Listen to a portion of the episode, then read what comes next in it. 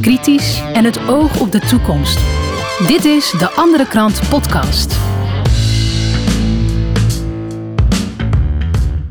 En we zijn er weer. De Andere Krant podcast. Met wekelijks een uh, voorbeschouwing op de krant die zaterdag uitkomt. En vandaag praat ik met uh, Sander Compagner over de actie van Dockers United in de Rotterdamse haven. Sander, welkom. Bedankt. Ja, Sander, we gaan het weer hebben over een uh, belangrijk onderwerp wat actueel is momenteel. Dockers United. Hè? Ik, ik, hoor veel over die club de laatste tijd. Maar wie zijn dat eigenlijk? Nou, dat weten we nog steeds niet. Hè. We hebben gesproken met twee mensen van Dockers United. De eerste keer dat ze naar buiten zijn getreden. Ze zijn bekend geworden vorige week. Hè. Ze hebben toen de Maasvlakte een paar uur plat gelegd. Hè, door een wegversperring met een aantal truckers hebben ze dat samen gedaan.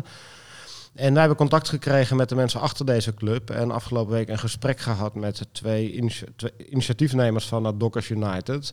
Met de vraag wat nu hun beweegreden was en wat ze nog van acties in de planning hebben staan. En de kop van de krant is nu verplichte QR-code, dan havenplat. Ja, ja, ja. Dus uh, Karel Beckman heeft het interview gedaan. Die is uh, aan het Kralingse bos in een donkere, uh, in zijn auto, een spannende expeditie geweest om met deze mannen te spreken. En um, ja, eigenlijk uh, de voorpagina en het verhaal loopt door op pagina 5. En uh, nou, we hebben naar hun beweegredenen gevraagd wie het zijn. Uh, ze stellen dat ze een hele diverse groep mensen vertegenwoordigen. Dat was voor hun heel belangrijk, want um, nou ja, de framing is meteen rechtsextremistisch. Ze hadden bij die actie waarbij ze de weg blokkeerden, hadden ze een soort um, maskers op. En dat waren Guy Fawkes maskers, hè? een Engelse vrijheidsstrijder. Hmm. Maar in de krant werden meteen als de Ku Klan maskers uh, geportretteerd. Ja, ik, moet, ik moet wel zeggen, Sander, ik, uh, dat, dat, dat geeft al een bepaalde sfeer mee natuurlijk. Hè? Ik, ik, het is niet echt een hele vriendelijke sfeer, als ik het zo mag zeggen.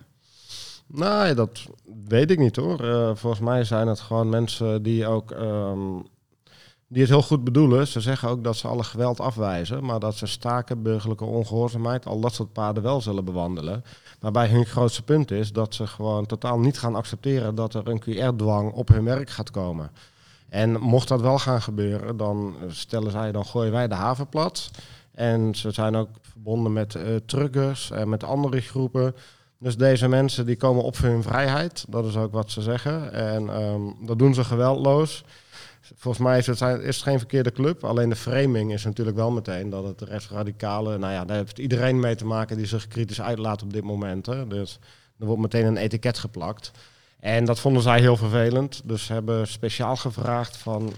Beschrijf ook dat we een hele diverse groep zijn. Ja. Alle nationaliteiten, uh, okay. alle gezinten. Ja, maar dat, dat, dat interesseert mij ook wel. Want wat maakt dat nou dat specifiek die havenarbeiders zich hier zo druk kan maken over deze, uh, over, over deze situatie? Nou ja, volgens mij zou iedereen hier zo druk over moeten maken. Ik zou hem eigenlijk willen omdraaien. Waarom maken alleen die havenarbeiders zich hier zo druk om? Um, wat zij doorzien is dat dit al lang niet meer om een virus gaat. Dat zeggen ze ook. Hè. Dit gaat niet om die maatregelen. Dit gaat om het beperken van de vrijheid. En in de haven zijn ze misschien uh, nog saamhoriger dan op andere plekken. Want de mannen die geïnterviewd worden, die zeggen ook, ja, wij werken al twintig jaar samen. Het gaat mij niet gebeuren dat ik wel naar binnen mag en mijn collega niet. Ah, ja, ja, ja. We zijn van elkaar afhankelijk, we doen het samen. Nou, dat is misschien wel een mentaliteit die in de haven uh, meer voorkomt dan op andere plekken. En het is voor hen onbestaanbaar dat dan een bepaalde groep niet de haven in zou mogen, omdat ze niet zo'n uh, QR-pas of geen verplichte vaccin hebben genomen. Nou, daar zeg je wat, hè? want je ziet natuurlijk ook uh, in de samenleving dat, dat heel veel mensen moeten het doen met korte contracten. Hè? Uh, deeltijdbaantjes en, en dat zie je in de journalistiek, dat zie je ook in de zorg. Waardoor je dus vaak heel kortstondig contact hebt met elkaar. Dat je, je springt van de ene job naar de andere job. Waardoor je dus ook niet echt zoiets hebt van, nou, we, we horen bij elkaar, we moeten het samen doen. Het is een beetje ja, die, die, die samenleving wordt dan zo gekneed. En wat jij zegt, in, in die haven werk je twintig jaar samen en dan, dan krijg je meer cohesie. Ja, dat zou heel goed kunnen.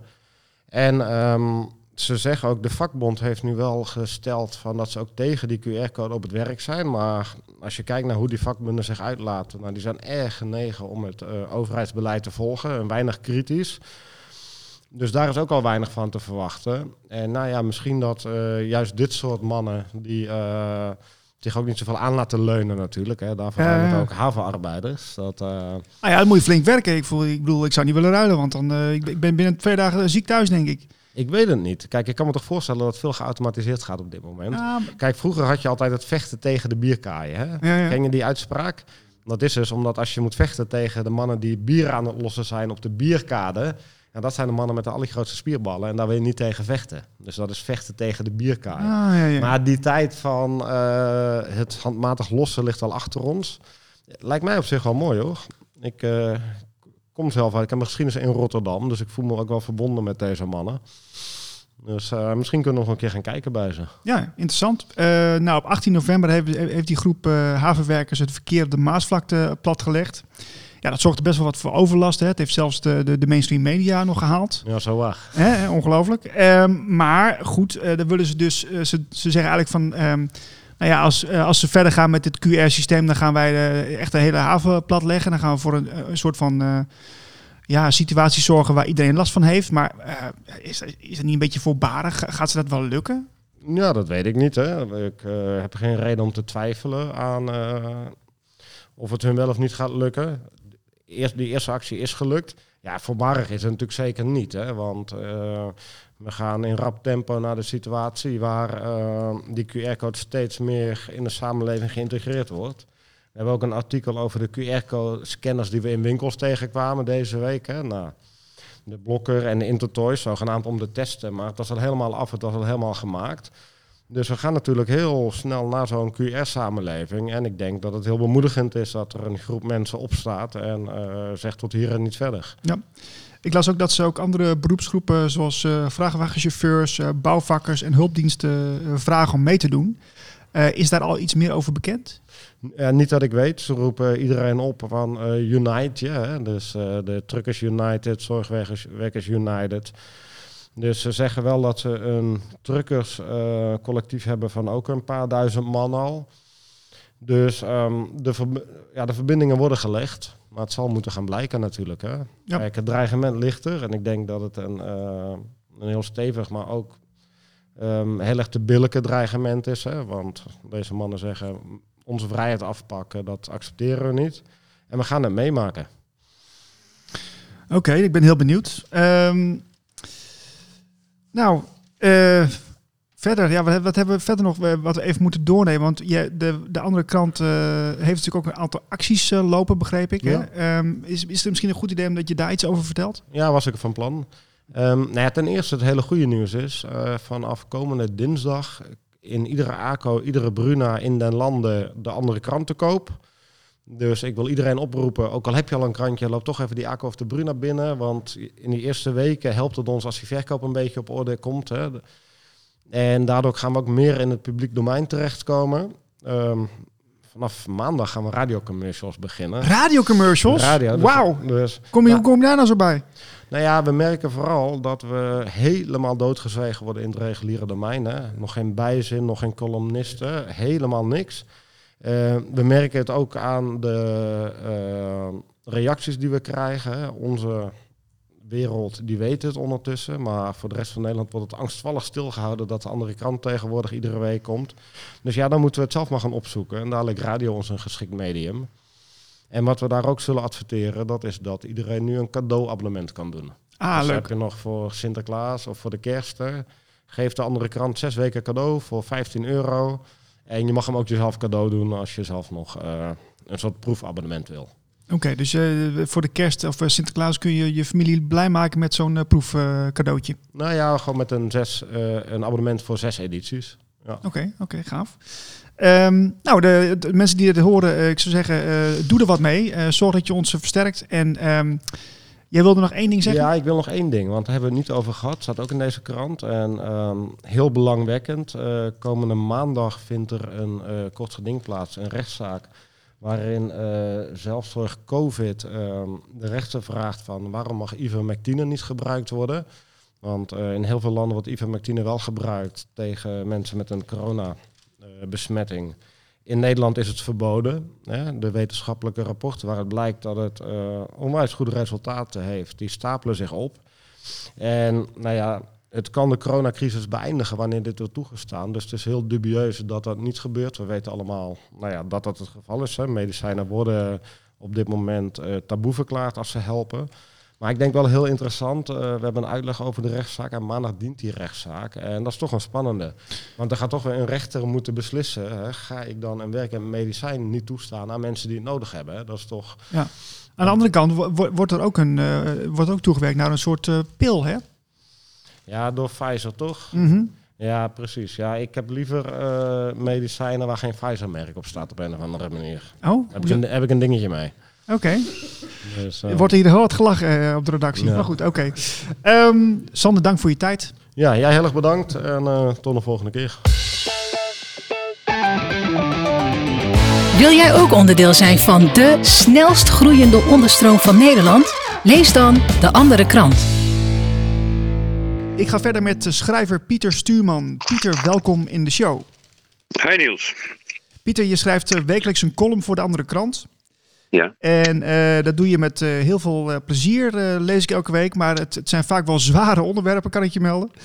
Um, ja. En deze week heb je het over um, de verboden vergelijking. En -hmm. nou ja, als ik me niet vergis, dan bedoel jij eigenlijk de vergelijking van de jaren 30 van de vorige eeuw met de situatie van nu. Ja, en, dat is precies wat ik bedoel. Exact. ik, ik ben eigenlijk wel heel benieuwd, um, wat maakt de vergelijking zo verboden volgens jou? Nou, volgens mij is die, zou die niet verboden moeten zijn. Maar we merken op dit moment dat, uh, dat uh, iedere keer als die vergelijking gemaakt wordt, het ineens op een, op een ja, in mijn ogen gespeelde verontwaardiging komt te staan. En iedereen die staat meteen op zijn achterste benen, met name natuurlijk in het politieke bedrijf, maar ook in de media. En ehm, dus kennelijk uh, wil men liever niet dat wij de gelijkenis zien tussen die twee situaties. Terwijl dat, ja, er zijn natuurlijk ook verschillen, Niels, maar de, uh, er zijn ook heel veel schrijnende overeenkomsten. Uh, en ehm, ja, kennelijk wil men niet dat wij eh, dat verband zien. Ja, want ik, ik, ik, ik, zie in jouw artikel dat je ook de politiek erbij haalt, hè, D66 en de, de FVD. Die nou ja, dat was een mooi voorbeeld, ja. Ja, precies. En het is, mooi. Het is, dat, uh, is dat dan uh, is dat de clash die, die eigenlijk mooi laat zien wat nu eigenlijk niet gezegd mag worden? Ik heb dat als illustratie uh, erbij gehaald. Hè. Dus uh, Van Houwelingen die heeft uh, tegen D66-Kamerlid Joost gezegd van uw tijd komt nog wel en er komen tribunalen. En dat werd meteen enorm aangevallen, zowel binnen het politieke bedrijf als in de media. Want ja, iedereen vond dat dat een bedreiging was. Nou ja, het, was geen bedreiging, het was een, een, een voorspelling. Hè. Uw tijd komt nog wel, er komen tribunalen. Dat is meer een voorspelling dan een, dan een bedreiging. maar uh, meteen werd het aangegrepen om zelfs het woord uh, tribunalen voortaan taboe te maken in debatten. omdat het associaties op zou roepen met de Tweede Wereldoorlog. Dus ja, kennelijk vindt men dat dat niet mag. En ik vraag me werkelijk af waarom, want ja, er zijn echt duidelijke overeenkomsten. En ik noemde dan ook een paar in die column. Ja, maar ik vind, ik vind het wel bijzonder dat een uh, Kamervoorzitter uh, um, Bergkamp, dat die, dat, dat die zomaar kan bepalen welke woorden er gebruikt mogen worden. Dus dat is toch eigenlijk stuitend? Uh, nou, dat, daar ben ik het helemaal mee eens, Niels. Hè. Het is vooral stuitend. nou, ik moet het anders zeggen, weet je. Ja, men zegt dan, het is respectloos naar de slachtoffers van de oorlog. Maar ja, wat ik werkelijk respectloos zou vinden, en ik denk als de, de, de, slachtoffers van de oorlog dit zelf hadden gezien, uh, die zouden dat ook respectloos vinden, is als we niks geleerd hadden van hun ellende en hun leed. En dat we het gewoon nu laten gebeuren, ook al is het in een iets andere vorm, hè, maar dat we de overeenkomsten niet opmerken. En uh, ik vind dat zorgelijk. Ja, dan moet ik wel zeggen, Pieter, uh, dat van die tribunalen, ik hoor het wel vaker uh, rondzingen in bepaalde kringen. Dat wordt gezegd van, nou ja, we wachten op de tribunalen, want er zijn mensen mee bezig. Advocaten zijn daarmee bezig. Uh, Reiner ja. schijnt daarmee bezig te zijn. Hartstikke leuk. Mm -hmm. ik, ik geloof daar niet zoveel van. We zullen het zien, Niels. Ik weet het niet. Um, ik denk niet dat we daarop moeten gaan zitten wachten en hopen dat dat de oplossing biedt. Hè. We zullen nu uh, als bevolking uh, zorg moeten gaan dragen voor uh, het voortbestaan van, van onze samenleving. En dat niet, niet gaan zitten wachten tot een Rijn of Filming iets voor ons oplost. Lijkt mij ook. Je bent te lezen op uh, pagina 5 uh, deze week. Je bent uh, vanaf zaterdag lig je weer in de bus bij de mensen.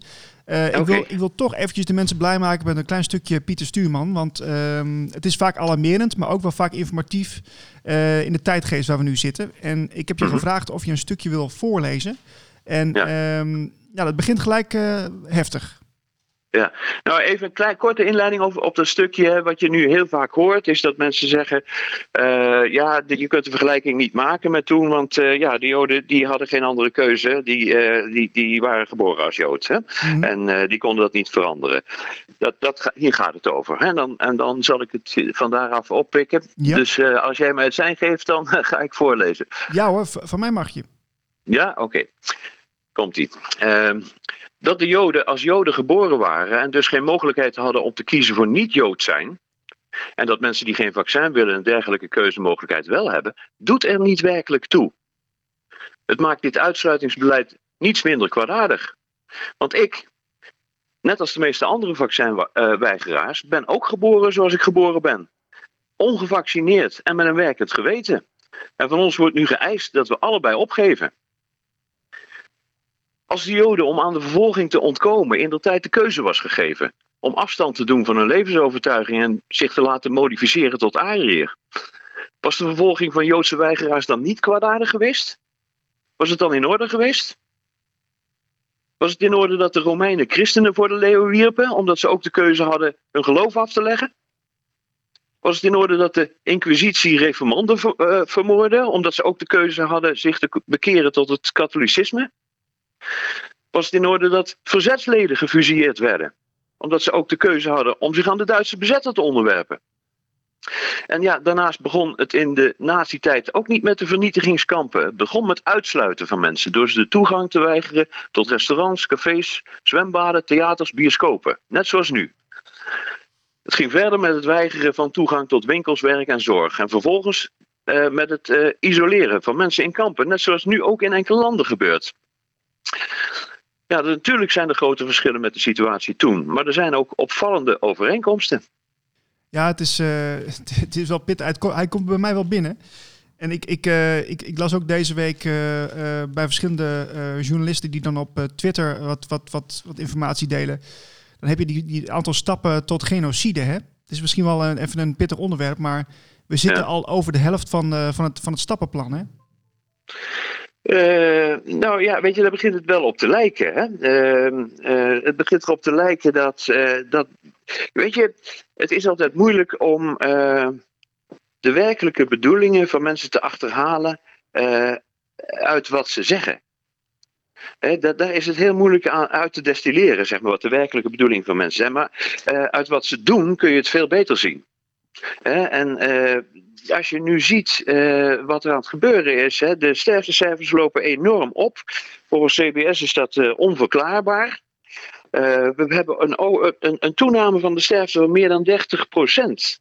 en um, ja, weet je, dat is het dat is in ieder geval het gevolg van iets dat we anders hebben gedaan dan andere jaren. En uh, ja, het lijkt me toch op zijn minst de moeite waard om, om dat uh, te onderzoeken. Ja, nu hebben we er eventjes kort over gesproken voordat we de uitzending deden. Ja. Als er zometeen echt massaal mensen worden geweigerd in de maatschappij, dan, dan, heb je dus echt een hele harde tweedeling. dat zie je nu ook al in andere landen om ons heen gebeuren. wat, wat, wat ja, krijgen, we, krijgen we dan chaos? Wat, wat staat ons te wachten, Pieter? Heb je daar enig idee van?